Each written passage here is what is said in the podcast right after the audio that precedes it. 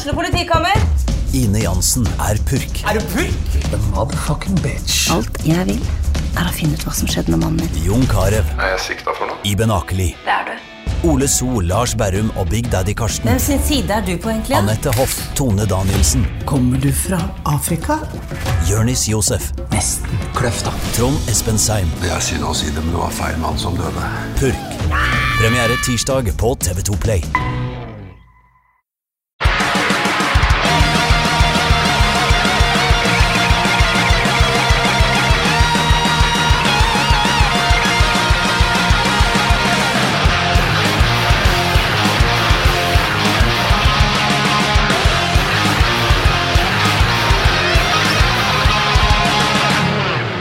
Hei, og velkommen til en ny episode av Debrif med Dag, som er meg.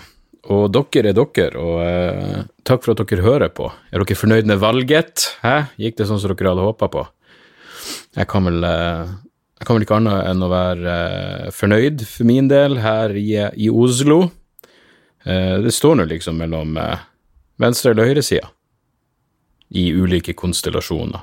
Og eh, jeg ville at venstresida skulle vinne, så det gjorde de. Og eh, så, så tipp topp. Det var ganske interessant eh, greie i Klassekampen i dag om til forsvar for det bompengepartiet. Det er jo noe som alle driter på, helt det, virker som det er mange som eh, egentlig er på venstresida, for det blir jo en sånn oh, snakk om å bry seg om ingen verdens ting, men problemet er at når du ser på hvor folk stemmer på på det er, hva heter det, Folkeaksjonen mot bompenger.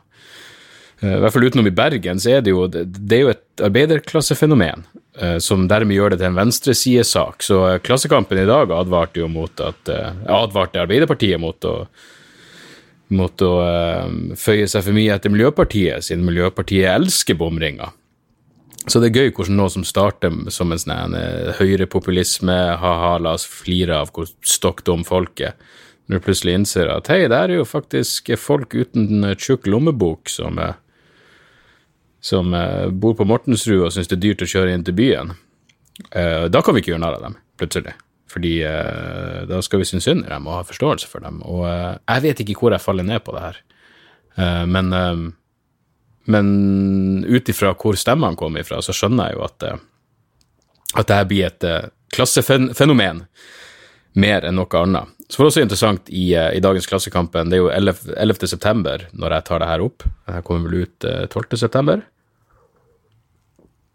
Klassekampen hadde en, eh, en artikkel, eller en, en kronikk, jeg husker ikke helt, om, eh, krig, eh, om 11. september-angrepene da, for eh, hva det blir, 18 år siden. Og eh, all den islamofobien som det har ført til, og alt det der. Eh, og så står det, så skal det liksom være en sånn eh, recap av krigen mot terror, hvor det annet står at, eh, at USA angrep Afghanistan etter 11. september fordi Taliban nekta å utlevere Osama bin Laden. Ganske interessant at Klassekampen sprer den spesifikke myten, for jeg er ganske sikker på at det ikke stemmer.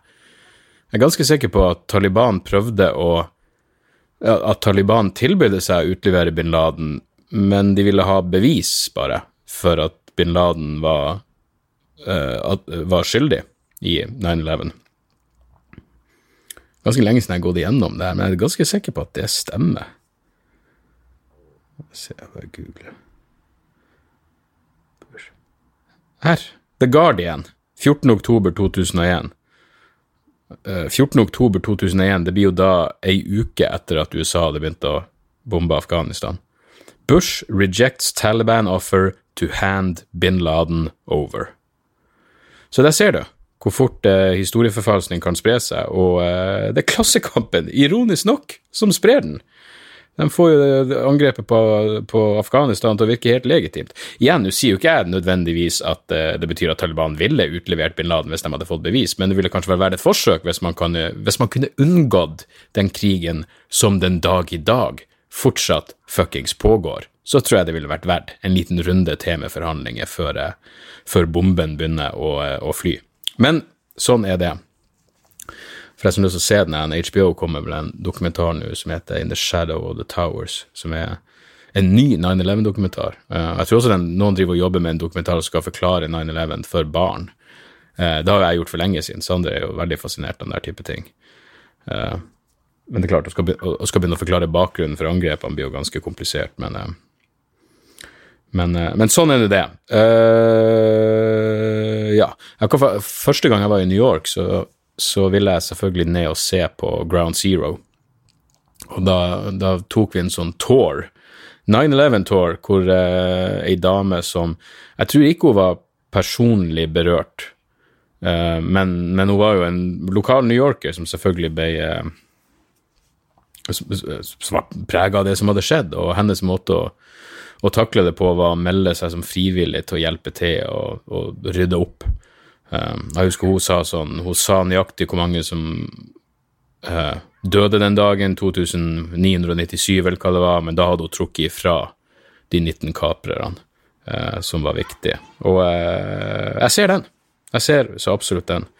Um, men uansett eh, og det, og ja, og det, Kanskje jeg nevnte det sist gang, men, men jeg, jeg kom til å tenke på 9-11 i forhold til den boka jeg leste om selvmord, når uh, Jesse Bering i boka A Very Human Ending. Nå har det vært uh, den internasjonale selvmordsdagen også, så faen, sjekk den boka, den, er, den anbefales virkelig. Men der, der, der uh, Og beklager hvis jeg sa det her i forrige episode, men der forklarer han jo um, at når, når Som en beskrivelse på hvordan det er å ha et suicidalt sinne, så sier han at det er på samme måte De som tar livet av seg, er i den samme situasjonen som noen som står i en brennende bygning og hopper til døden. Fordi det er enten det å bli brent opp, eller det å bare hoppe utfor. Og, eh, og ja, det, det, akkurat den sammenligninga kommer nok til å sitte i til å sitte i hodet mitt eh, resten av livet, fordi jeg har aldri vært suicidal, jeg har aldri hatt så mørke tanker. Så um, det satte litt i perspektiv. Jeg tenker på det på grunn av, på grunn av eh, eh, ja, alle de folkene som, som hoppa, og den historia i, uh, i Brett Easton Ellis i siste bok om en venn av han som var på vei Han, han sprang unna før tårnene ramla ned, og så kom det en person gjennom, som hoppa fra et av tårnene og landa på eh, en løktestolpe og bare sp splæsja utover han. Så det var først han var i sjokk, så det var først når han kom hjem og traff andre folk at de sa 'hva i faen, hvordan er det ser ut, er du ok?' Og han bare 'jeg er helt fin, men eh, det er ikke mitt blod'. Så eh, ja, se, det er der, er der vi skal ligge, folkens. Hyggelige, hyggelige 9-11-minner der. Uh, og jeg bare gikk inn på Jeg vet ikke hvordan jeg fuckings YouTube-algoritmene funker, men uh, når jeg gikk inn på YouTube i dag, så var det en sånn ny 9-11, eh, Dick Cheney og Mossad. Um, her er den store avsløringa, og, og liksom her, er beviset på da at 9-11 var en false flag og inside job. Og så er det, det, det er bare, jeg, jeg, Selvfølgelig, jeg er jo en sucker for alt det faenskapet, så jeg så de første fem minuttene, og da var det bare sånn Det var ei kunstgruppe, ei israelsk kunstgruppe, og besøkte tvillingtårnene. Og øh, denne kunstgruppa kalte seg et eller annet, og jeg husker ikke hva det ordet var. Uh, gelatin eller et eller annet. Uansett, så, så, så kommer den narratoren og sier at eh, Og det betyr jo Refererer jo også til sprengstoff. Så, så ideen er liksom at Mossad har en dekkoperasjon for å sprenge tvillingtårnene med, med å bruke ei kunstgruppe, og kunstgruppa gir et lite hint til at de skal sprenge tårnene. Det, det er så eksepsjonelt jævla latterlig at uh, Ja, nå blir jeg bare Driver de fortsatt på? Sitter du enda der og prøver å nøste opp i hva som egentlig skjedde? Men det er klart, de gjør det jo med fuckings JFK, så hvorfor, hvorfor skulle de ikke gjøre det med, med 9-11? Jeg mener en gang jeg så en sånn, eh, en sånn statistikk som sa at fem, eh, rundt 50% av newyorkere ikke trodde på den offisielle historien om hva som skjedde 9-11. Tenk, tenk på det. 50% av befolkninga, la oss si det stemmer, da. 50% av befolkninga tror, tror at de blir løyet til av myndighetene om hva som egentlig skjedde på, på den dagen, og det blir ikke opprør. Da vet du at du har pasifisert på å si, borgerskapet tilstrekkelig. Det um, det er faktisk en ganske deprimerende tanke, når jeg tenker meg om. Og bare for å si det, jeg kjøper den offisielle historien. Herregud, jeg har brukt mye tid på det der, og jeg leste alle de bøkene som først kom om at 9-11 var en innsidejobb. Og så husker jeg, jeg tror kanskje den ligger på Jeg tror muligens det ligger på YouTube. Uh, ja, det gjør det. Jeg jeg hadde en uh, uh, eh, For 2000 og 2010 så gjorde jeg ei uke eh, på Leicester Square Theater, med, med, hvor jeg åpna opp for, for Doug Stanhope. Og et av de showene var på 9-11. Og jeg husker Stanhope sa at han, han fikk så jævla mye mailer av folk som var sånn oh, jeg jeg skal se deg 11. september, det her er spesielt. Som om han skulle gjøre noe jævla fuckings tribute eller et eller annet. Men så på, på dagen da, før det showet, så sa jeg til han faen, jeg har lyst til å prøve å gjøre en, en vits. Eh, og, og, vitsen var bare noe sånt som at i dag er det ja, hva det var da, ni år siden 9-11, eh, som betyr at det i dag, på dagen, så er det nøyaktig ni år siden USA styrta den demokratisk valgte regjeringa i Chile og innsatte et uh, høyreekstremt diktatur. Uh, for det skjedde jo på 9-11 i uh, 1973, var det vel. Jeg husker, Det var noe sånt var vitsen, og da så vi standup. Men uh, da vil du jo komme et godt poeng, og hvorfor vil du gjøre det? Så, uh, så jeg gjorde det, og det funka. Så det var, uh, det var hyggelig. ja, utenom det, hva som, hva som, har skjedd? Jeg og min kjære venn Jan Tore Christoffersen var jo Vi hadde ei helg. Det hadde vi. Vi var oppe i Troms. vi skulle først til, vi skulle til Sørreisa, og skulle vi til Botnhamn. Og her er greia. Jeg fant ut at jeg skulle til Botnhamn, så tenkte jeg faen, la la oss, finne en annen plass i relativ nærhet eh, hvor jeg kan gjøre show dagen før, så vi ikke reiser helt opp dit bare for ett show. Fordi Særlig når du skal jobbe inn materiale og prøve ut ting, så er det faen meg det er gull å få flere dager på rad. Det er sånn ting blir bedre. Men eh, Så vi skal til Sørreisa, Sørreisa hotell eh, den fredagen der, og vi kommer dit. Og eh, vi flyr til Tromsø, og så har vi leiebil. Og ja, jeg vet at Bardufoss flyplass er i nærheten, men det er kun Norwegian som flyr dit, og det passer ikke med avganger. Alt det her. Whatever, jeg vet. Men så vi, vi lander i uh, Tromsø i, uh, i halv femtida, vi får oss en leiebil, vi kjører til Sørreisa. Vi ankommer Altså, her er det showstart, og jeg sender melding til Jeg har ikke hørt noe fra arrangøren, selvfølgelig, alltid et godt tegn, ikke hørt en dritt. Jeg sender han en melding og bare sier uh, kan vi, vi kommer da og da, ok, står det. kan vi spise etter showet, ok. når skulle vi starte igjen? Klokka åtte, men vi kan starte seinere hvis du vil. Ok, greit. Og jeg vet at dette showet er utsolgt, de, de treng, han trengte ikke å promotere det engang, men vi kommer dit et ti over halv åtte. Lite folk og null lydanlegg. Ingen verdens fuckings ting. Det er bare et, jeg hadde bedt om et sett i tekstmelding om at jeg ville ha et ståbord på scenen. Det sto bare midt oppå det som tydeligvis var scenen, og ingenting annet. Ikke noe lys, ikke noe, ingenting.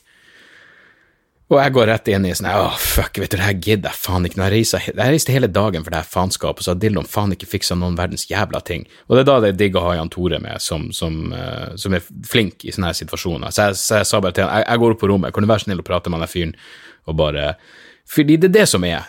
Jeg, jeg trenger ikke en oppvarmer fordi jeg trenger noen til å gå på scenen før meg. Jeg trenger en oppvarmer fordi jeg vil ha en venn med meg, jeg vil ha noen å drikke med, jeg vil ha noen å henge med på dagen.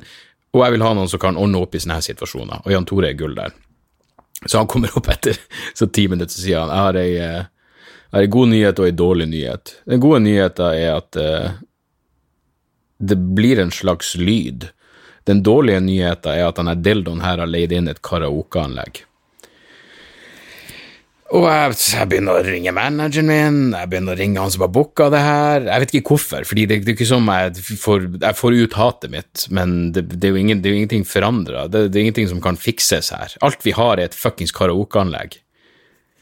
Så det ender opp med at Jan Tore går ned og prøver å fikse, han prøver å sette den jævla karaokehøyttaleren lengst mulig frem på scenen, bare så folk skal høre oss, men lyden er jo ræva. Men han er flink, ok, og han, han klarer på et eller annet vis å kuker det til så det skal høres ok ut. Og så kommer jeg ned og ser det sånn, ok, så vi sitter, på hotellrommet og bare drikker sprit, rett og slett. Det er det eneste vi kan gjøre. Uh, fordi det her virker jo håpløst. Um, vi går ned halv ni, og han går på, og det er bare fading. Det, det, det, ingen hører han. Det er, I tillegg er det jo det er et eklektisk klientell på Sørreisa. Det skal også sies, eh, arrangøren har fått beskjed om at du får lov til å selge 75 billetter. Maks. Fordi Botnhamn er jo rett i nærheten. Han solgte 150. Han solgte alle billettene han klarte å selge. Han solgte så det ikke var plass til mer folk der inne. Hvorfor ikke? hvem faen bryr seg om kontrakter? For hadde han lest kontrakter, så hadde han sett at det er spesifisert hvordan lydanlegg det skal være også, men fuck it, hvem bryr seg? Ingen promotering, ikke brukt noe, noe på promo, bare solgt en masse billetter. Han innrømte, han visste ikke hvem jeg var, så han ble så overraska når det kom folk. En svensk fyr som har flykta til Norge fordi han har noe fuckings anklager mot seg i resten av verden. Ja, jeg kan love deg at Interpol er ute etter han. Men i hvert fall. Uh, så så jeg bare hører det, og da, da, da jeg, jeg, husker jeg filma Jan Tore i starten når han var på, og det var, det var et tragisk skue. Men på et eller annet vis så stabiliserer lyden seg. Jan Tore eh, funker jævlig bra, han gjør liksom 15-20 minutter, og folk er med. Og så skal nå jeg på, da, og jeg er selvfølgelig forferdelig dårlig humør. Såpass dårlig humør at jeg holdt på å bekke over en stund. Det var, det var en stund jeg så ut til å miste dem. Og så var det i tillegg noe sånn ah, Det blir sånn Altså, og det her var jo ikke mine intensjoner. For det første, lyden det går ok. Hvis jeg bare står i ro akkurat i en viss posisjon, så klarer de faktisk å høre meg, men, eh, men det er ikke det, Ting er ikke optimalt, for å si det jævlig, jævlig uh, diplomatisk. I tillegg så er det ei dame som har sendt meg en melding da, og skrev at uh, hei, jeg er en kompis her, og han er autist, og jeg skjønte ikke da at det var det var, det var vanskelig å helt forstå konkret hva meldinga var, om det er hennes feil eller min feil, det er ikke godt å si, men jeg bare så den rett før jeg gikk på scenen. Så da sier jeg plutselig sånn Hei, hvem var dama som hadde en autistisk kompis som er her? Frode spurte kan ikke du nevne og da tror jeg selvfølgelig jeg sier hei, han, han er autistisk. Det er noe, det er ikke noe skjellsord i mine ører, men folk hører at jeg bare Det er akkurat som jeg outer en autist. Men alle skjønner jo at han er autist. Alle, det er jo så liten plass at alle kjenner alle, og han sitter med en fuckings kassettspiller fra 1989 foran seg. Så, men det ble stille, det ble dårlig stemning, og Tore sa bare 'Å, oh, der var du faen meg i ferd med å miste dem'. Jeg prøvde jo ikke å være en pikk, jeg skulle gi han en shout-out.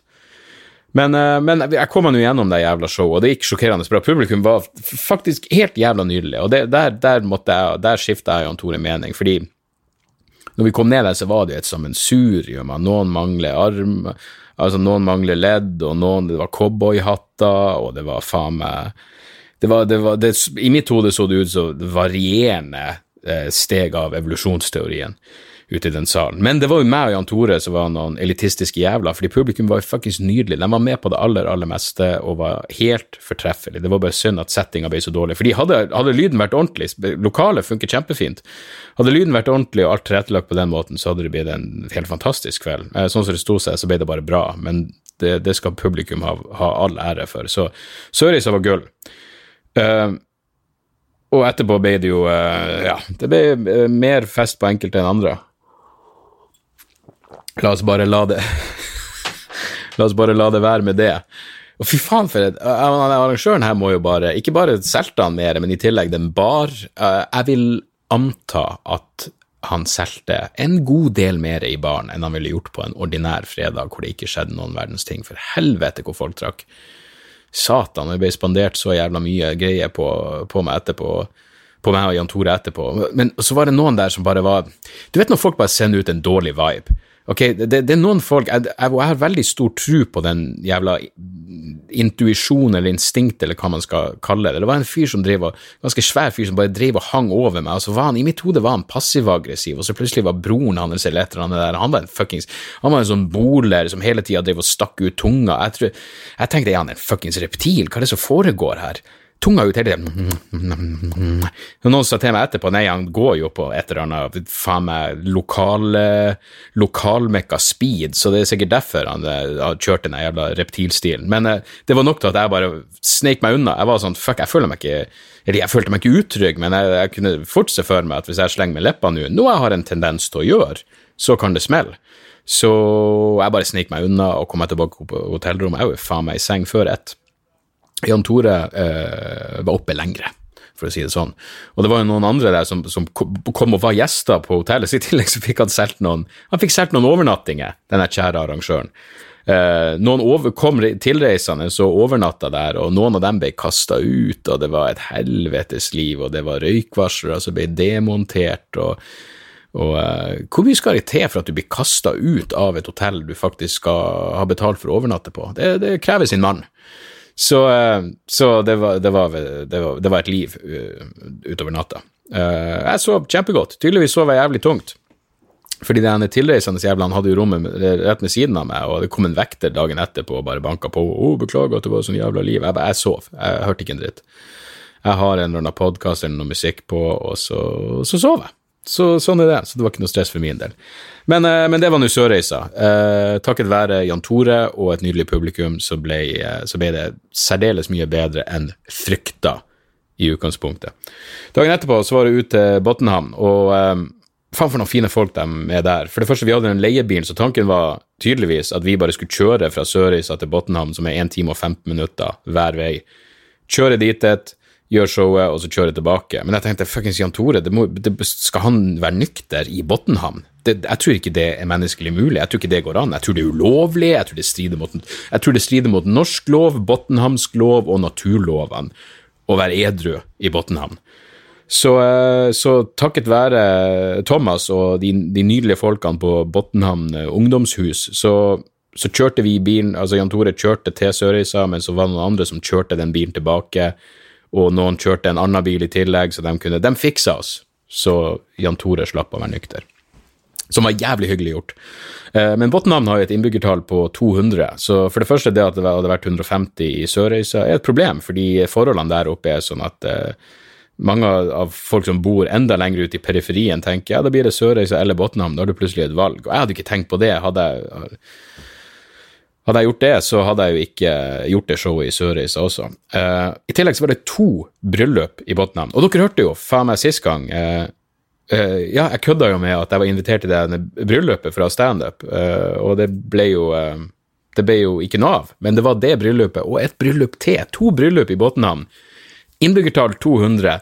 Det suge inn ganske mye av det potensielle publikummet. Så jeg tror de fleste som var der, faen meg var tilreisende. Det var i hvert fall det arrangøren sa etterpå.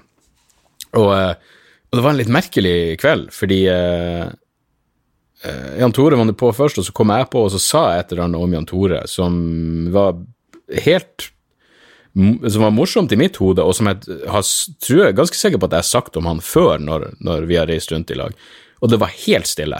Så kom liksom helt feil ut fra første fuckings vits. Uh, og tenkte åh, det blir en sånn her kveld hvor jeg i tillegg må jobbe, hva faen. Men uh, det løsna nå etter hvert, og så, uh, så, tror jeg alle kosa oss. Jeg tror vi, de fleste kosa seg. Jeg lurer på om det var noen som røyste seg og gikk, som bare Av og til ser det sånn man støtter nå opp når det skjer noe i lokalmiljøet, men det er ikke nødvendig, ikke gjør det. Gjør litt grunnleggende research på hvem du skal komme og se først. Og så begynte jeg bare å tenke på faen hva hvis de der har to timer å kjøre tilbake? Hva hvis de bare gambler på at standup er standup, så det var Tommy Steine sist, og nå er det Dag Sørås, det går nå vel for det samme, da drar vi tilbake. Vi kosa oss sist, og da drar vi tilbake. Og så er det ikke det samme som sist, og så har de faen meg to timer å kjøre hjem igjen. Det var en uh, småmorsom tanke i mitt hode. Deprimerende også, men hva faen skal man gjøre for noe? Sånn er det bare.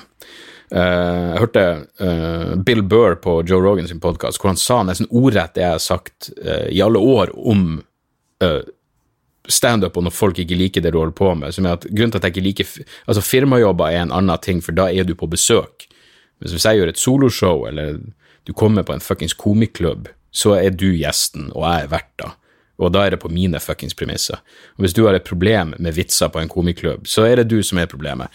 Så det var godt å høre at ja, at, at, det er den generelle tanken da, om, om, eh, om den forskjellen. Uh, og så blir jeg bestandig glad etter sånne kvelder hvor noen fyrer seg opp, så er jeg bestandig glad over å høre komikere jeg elsker, som bare understreker at hei, det, hvis det man gjør er for alle, så hadde det ikke vært bra. Hvem vil være for alle? Hvordan, hvordan komiker tenker jeg har lyst til å nå alle? Alle! Virkelig. Det, da setter du deg faen meg umulige mål. Så, uh, så lykke til med den.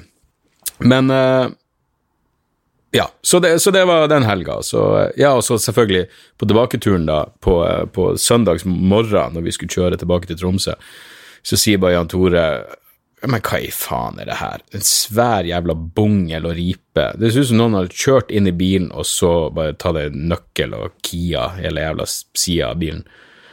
Uh, jeg tenker, det her ville vi jo lagt merke til. Hvis det var der fra før av, så ville du vel sett det når vi satte oss inn i bilen på fredag. Så hele turen sitter jeg bare og tenker åh, får vi det der pisset i tillegg, så må vi prate med dem, og så er det forsikring, og så er det ditt og fuckings datt. Kommer frem, eh, vi tar et bilde av eh, sida på døra, Eh, jeg går for å sjekke inn med Jan Tore senere fly, så han går for å snakke med dem, og så sier han bare nei, det var der fra før av, så null stress. Hva faen, det kunne spart meg for så mye frem og tilbake i hodet på hele jævla kjøreturen hvis vi bare hadde, hadde Hvem legger ikke merke til det? Jeg legger ikke merke til det. Min interesse for biler er så jævla ikke-eksisterende at jeg ser, jeg ser faen ikke ei svær ripe og en bongel på ei dør som jeg sjøl åpner for å legge sekken min inn. Så det Ja, nei, sånn er det. Sånn er det. Men det var det er alltid hyggelig å reise med Jan Tore, og ja, det er nye materiale. Det, det blir noe.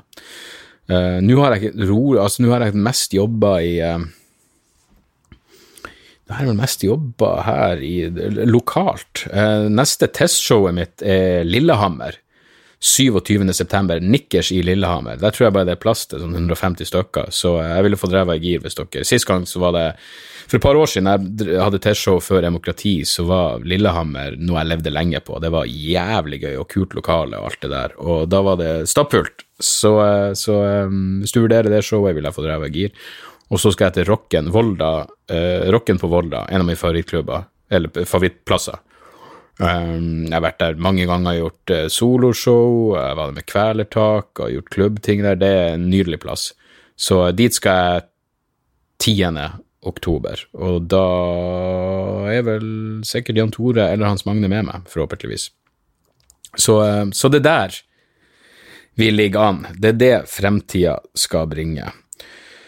Så vi se om vi tar et par mailer.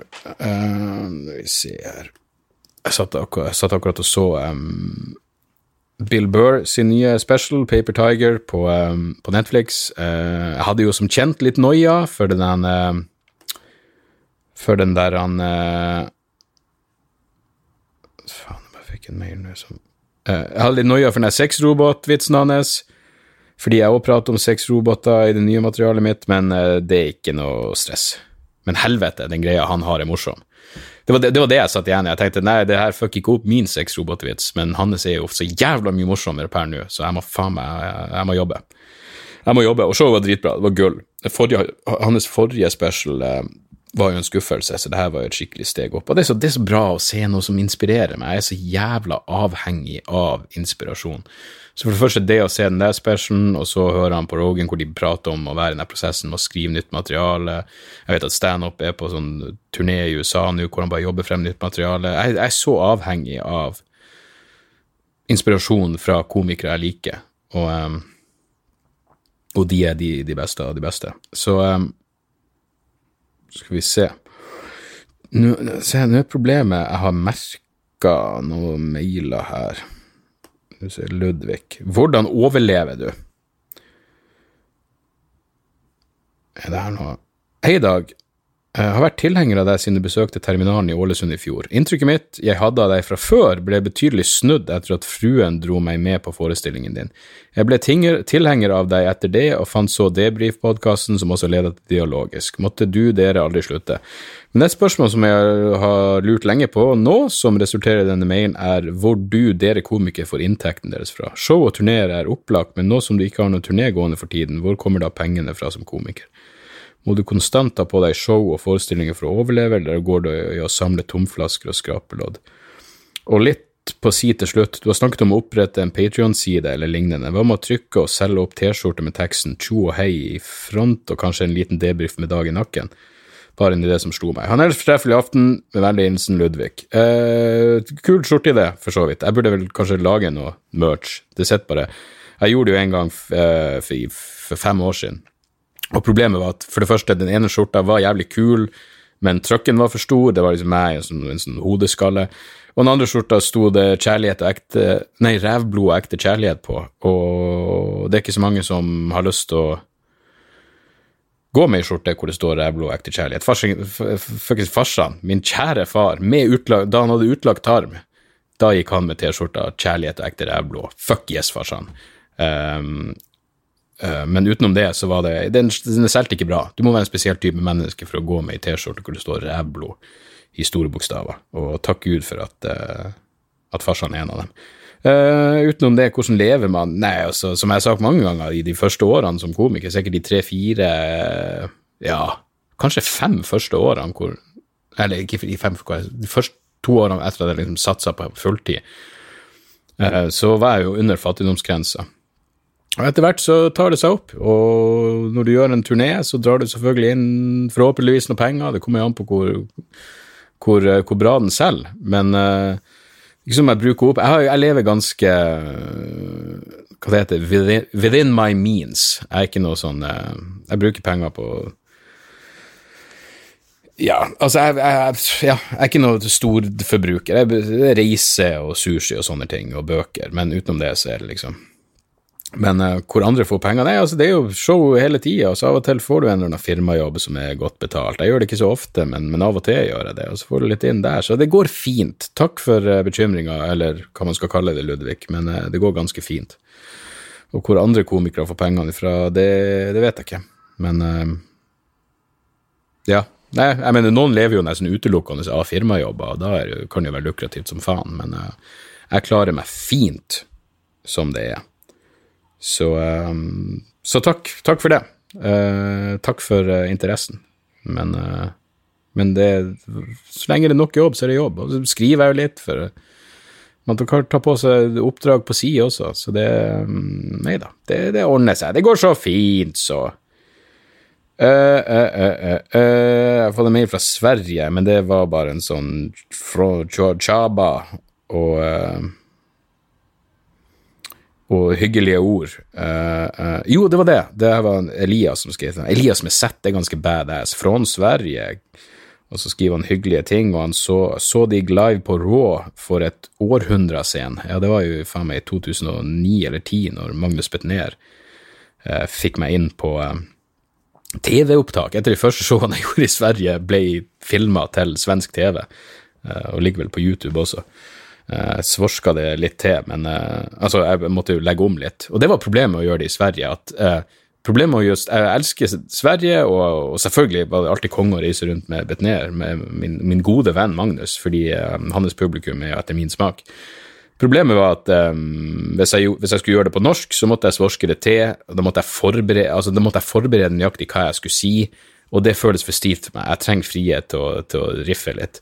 Eh, og hvis jeg gjorde det på engelsk, så sa bare svensker fordi hvis jeg bare gjør det på rent norsk, så skjønner de ikke. Og hvis jeg gjør det på svorsk, så må jeg forberede alt jeg skal si, og hvis jeg gjør det på engelsk, så spør de hvorfor faen gjør du det på engelsk, hvorfor gjør du ikke bare på norsk? Fordi dere skjønner ikke fuckings norsk. Så ser, du, ser de på meg som en, som en, dildo fordi jeg gjør det på svensk, nei, på, på, engelsk, bare fordi jeg vil at de skal forstå meg. Så um, så ja, men uansett, eh, Elias tipsa meg om det nye bandet The Walk, Walker Roaders, medlemmer fra Pogues, Dropkick, eh, Dropkick, fra Dropkick Murphys og Flogging Molly. Du, jeg sjekka ut den skiva, det hørtes, det hørtes kult ut. Jeg har aldri vært noen sånn stor Pogues-fan, men um, jeg tror at hvis man liker den musikken, så er det der midt, i blinken. Så uh, takk for mailen, og takk for, uh, takk for, at du hører på borti uh, borte hos søta bror. ja. Mm, mm, mm. Denne her føler jeg bare at vi burde ta siden det vi har pratet om. Anonym depresjonsmail. Hei, Dag. Fint om denne mailen kan være anonym. Takk for fantastisk podkast. Lurte på om du kunne snakke litt om depresjon, siden det var verdensdagen for selvmordsforebygging i går. Se på deg som en klok fyr, og tenkte kanskje temaet hadde vært interessant for andre lyttere også. Har selv det siste året slitt litt, og lurte derfor på om du har noen tips til akkurat dette. Jeg har akkurat starta med aktiv, selv, med aktiv selvhjelp kurs gjennom kommunen jeg bor i, så får vi se hvor veien bringer. Jeg Har også lest uh, Lost Connections av Johan Harry, men må lese den en gang til for at ting skal sette seg litt. Håper du, får, håper du har noen gode råd. Podkasten i seg selv er god terapi, men får ikke håpe at du føler deg forplikta til å være terapeut for lytterne dine. Um, vel, uh, jeg har aldri vært deprimert. Uh, det overrasker meg ikke om jeg har deprimerte folk i, i publikum, uh, og det mener jeg på, på, en bra måte. Men uh, en gang i min, i min ungdom så havna jeg ute på noe en, en, en, Jeg var på fest, og det ble eksepsjonelt mye Visstnok speed. Uh, her er mange, mange, mange flere tiår siden, når jeg tenker meg om. Um, I hvert fall, det som skjedde, var at jeg tappa serotonin, serotoninlageret i hodet mitt, sånn at jeg var jeg, var- jeg, var- jeg, var- jeg, jeg tror jeg var det som kan kalles deprimert i ja, fem-seks dager. Og jeg husker at jeg Altså, jeg sier ikke at jeg var deprimert, men jeg, jeg tror jeg fikk den tomhetsfølelsen. Jeg kan innbille meg at det her i hvert fall var eh, eh, sammenlignbart med den tomhetsfølelsen du må føle ved depresjon. For jeg husker at jeg på et tidspunkt satt og tenkte sånn Jeg var, jeg var aldri suicidal eller noe sånt, fordi jeg følte at jeg visste hvorfor det her hadde skjedd, men allikevel føltes alt så jævlig, så jævlig mørkt. Jeg husker at jeg tenkte sånn Min største drøm Alle mine drømmer kan gå i oppfyllelse nå, og det ville ikke gjort at jeg følte meg noe bedre. Poenget med det er at det etter det, etter den opplevelsen, som var helt jævlig, og på et tidspunkt så var jeg nok nervøs for om det her kom til å gå over, om jeg noen gang kom til å bli normal igjen, eller om jeg hadde fucka opp hjernen min.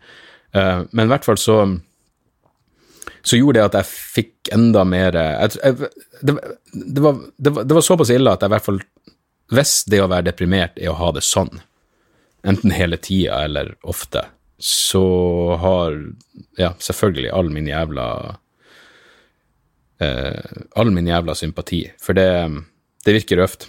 Det virker jævlig røft. Og jeg har jo på scenen kødda med eh, ja, den ideen Ja, det å, å bare bruke ordet depresjon lemfeldig, liksom. Så oh, nei, du, du er nedfor, du har en dårlig dag. Kom igjen. Depresjon er en klinisk jævla diagnose som jeg ikke skal påberope meg. Men, uh, men du, ser, så, det at du ah, Selvhjelp, vil jeg tro. Jeg mener, alt jeg kan relatere til, det er jo når jeg hadde angst, og der var det jo selvhjelp. Det var liksom det å, å, å spekulere i hvorfor. Jeg mener, så vidt jeg forstår, så kan en depresjon bare være Det kan jo være en kjemisk ubalanse i hjernen, men som Johan Harry vel tesen i hans eh, bok er jo at det her handler om eh, ja, lost connections, og eh, at det kan være atskillig mer ja, sosiale årsaker og ting som har gått, gått galt på andre plan enn det rent eh, eh, kjemiske, hjernekjemiske. Så um, ja, nei, jeg tror Johan Harry har gjort mye bra. Først for, for ruspolitikk med den Chase in the Screen-boka, og så Lost Connections Jeg har den stående i bokhylla, men jeg, jeg har ikke lest den ennå. Um, men han er jævlig god og jeg, mener, jeg har hørt masse intervjuer med han i forbindelse med Lost Connections-boka. Og han er jævlig god å, å lage historie med som han, han er god å legge frem et argument via, via historie. Så um, Så ja, så bra. Um, uten, utenom det, så ja, nei, det, det hva, hva kan jeg si? Um, annet enn at eh, det er bra at du får hjelp, og eh, jeg håper faen meg det hjelper. Jeg kjenner, ikke overraskende, mye folk som sliter med skikkelig depresjon, og det er, um, det er røft. Um, jeg kjøpte til noen som er Jeg kjøpte Andrew Solomons bok uh, som heter Den Jeg tror den er Demon. Nu... Faen, jeg skal slå det opp. Andrew Solomon. Demon som skal være um, The Noonday Demon, An Atlas of Depression, som visstnok skal være um, Som jeg kjøpte til noen som jeg er veldig glad i, og som, som er intellektuelt nok anlagt til at jeg tror det kunne hjelpe å, å få en slags næ, Nærmest ikke nødvendigvis akademisk, men en slags uh, jeg vet ikke, Folk er jævla forskjellige når det kommer til sånne ting. Uh, og, og, noen tror jeg Jeg bare tok utgangspunkt i meg sjøl med angsten. det å bare, Jeg leste bøker om angst, og jeg bare prøvde å forstå hva er det som skjer, både på det liksom sånn rent nærmest biologiske plan og, og liksom uh, Ja. Men det, det, kan være mitt tips til deg, kompis. Uh, The Noonday Demon. Det skal være noe av det beste som er skrevet om, om depresjon. På samme måte som den Jesse Bering-boka om selvmord. Jesse Bering har jo slitt med suicidale tanker sjøl, og det, ja, det ville nesten vært rart om noen som ikke har følt det på kroppen, skulle skrive om noe sånt. Så, så ja, nei, det, det, det, er jo hjelp å få, heldigvis, og uh, det er bra at du får det. Takk for at du, for at du hører på. Det ble jo Det ble jo ikke så lystig som jeg hadde tenkt å avslutte det her, men dere vet jo hva dere går til. Uh, vil jeg tro. Et uh, par tips. Eh, jeg nevnte vel Righteous Gemstones sist gang. Nå har jeg sett de tre episodene som er. Digger det, elsker det. Det, det er feel good som faen. jeg har også begynt på sesong to av Fleabag, og det er jo faen meg helt fantastisk. Det er en av mine favorittserier på lang, lang tid. det, det er noen greier på slutten av sesong én, og det er bare seks episoder i hver sesong, men, men på slutten av sesong én hvor det bare gikk fra morsomt til nesten sånn en fuckings panikkinduserende eh, følelsesmessig tungt. Så det er faen meg Igjen, jeg kommer tilbake til ordet menneskelig, men Fleabag er en veldig menneskelig serie. Det føles så jævla ekte. Og eh, ja, det, det appellerer. Eh, og så, Jeg nevnte jo Bill Burr, selvfølgelig, sin Paper Tiger, som er, var jævlig bra. Men en helt en ukjent komiker. Det, det er skammelig at han er ukjent. Jeg mener alle komikere kan få det, og man tenker hvorfor i faen Hvorfor er ikke jeg større, og hvorfor får den og den så mye sjanser når de er åpenbart er fuckings middelmådig og hack og alt det der? En som virkelig burde føle sånn, er Glenn Wool, en av de morsomste jævlene uh, jeg kjenner. For han, han er sykt hyggelig. Jeg har jobba med han flere ganger, og en av de morsomste jævlene. Jeg, jeg, vet ikke om noen som har fått meg til å flire, altså bare rent fuckings flire hardere enn Glenn Wool. Uh, helt fantastisk komiker, og han har en ny CD ute nå som heter, som, som du finner på Spotify. Ja. Uh, rundt omkring, og den heter Creator I Am But A Pawn. Så Glenn Wool, Glenn, og så W-O-O-L. Sjekk han ut, han er sinnssykt morsom. Sinnssykt morsom.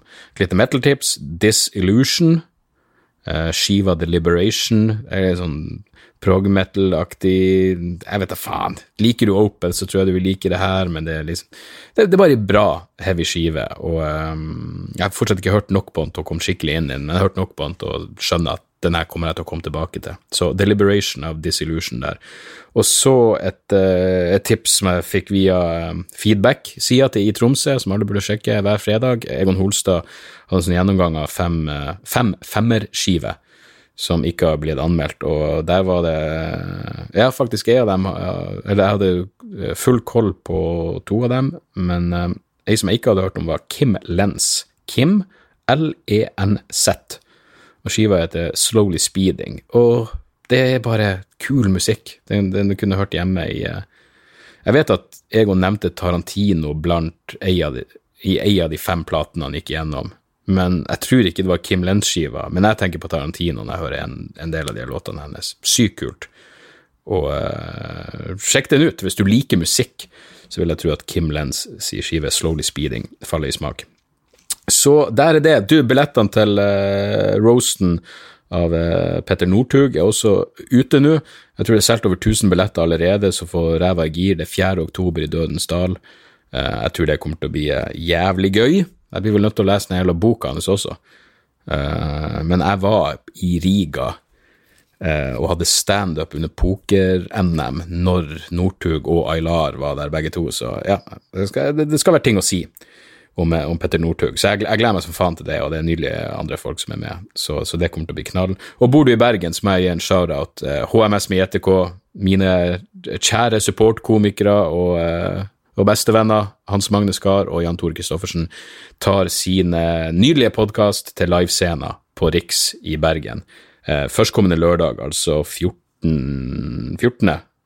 14. september på Riks. Koster 99 kroner billetten. Det er en fucking symbolsk sum. Kast penger etter dem. Sug dem. Gjør alt. Håndjobber. Eh, I tillegg til å kjøpe billett, for det fortjener de virkelig. Det kommer nok til å bli, eh, bli sykt gøy. Og eh, ja, støtt opp om fuckings dyktige entertainere. For det er de, det er de i, i, høyeste grad, og det blir nok en, en knallkveld. Og hadde jeg vært i nærheten, så skulle jeg selvfølgelig tatt turen, jeg også. Uh, det var det jeg hadde. Uh, takk for, uh, for, laget for denne gangen, og så høres vi igjen neste, neste uke. Jeg og Jan Tore tok opp en podkast etter showet i Sørøysa på fredag. jeg skjønte vel relativt fort at det her kommer aldri til å bli sluppet. Uh, Jan Tore var litt mer optimistisk, men etter å ha hørt igjennom det i nykter tilstand dagen etterpå, sa han det her må bare brennes. Det her opptaket må det må faen meg Det må krypteres og aldri slippes, for uh, da har det blitt injuriesøksmål og, og all slags faenskap. Så uh, vi, vi, får gjøre en ny sjanse igjen når når muligheten byr seg. Men eh, takk for at dere hører på. Mailer. Jeg setter stor pris på alle, alt av tilbakemeldinger og spørsmål. Det, mailadressen er debrifpodkast.gmail.com. Hjemmesida mi er dagsoras.com. Der står eh, 'upcoming show'. Det ligger under dagsoras.com slash hvor. Eh, og så håper jeg å se dere der ute. Og, uh, men først og fremst, bare takk for at dere hører på. Og ja. Jeg bare fikk akkurat en mail om det helvetes jævla fuckings demokratishowet som vi burde hatt svar på for lenge siden, og mailen sier bare ja, de føler seg som dust, men de får vite Altså, det her er rett fra de, Rett under de som avgjør. Føler seg, seg som dust, har ikke et svar, men det har de i morgen tidlig. Så jeg regner med at jeg legger det ut sjøl, men uh, hvis ikke, så Jeg, jeg sier nå uansett ifra så fort som mulig. Men én ting kan jeg love dere. Det her blir bestemt i løpet av morgendagen, og da, og da roper jeg ut. Så uh, takk for at dere hører på, folkens. Jeg er riktig så jævla glad i alle og en av dere. Eh, tjo! og hei.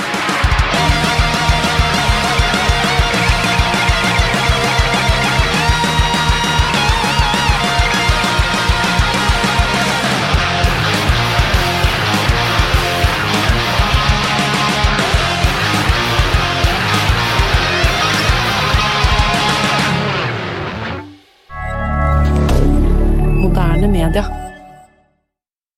Har du et enkeltpersonforetak eller en liten bedrift? Da er du sikkert lei av å høre meg snakke om hvor enkelt det er med kvitteringer og bilag i fiken, så vi eh, gir oss her, vi.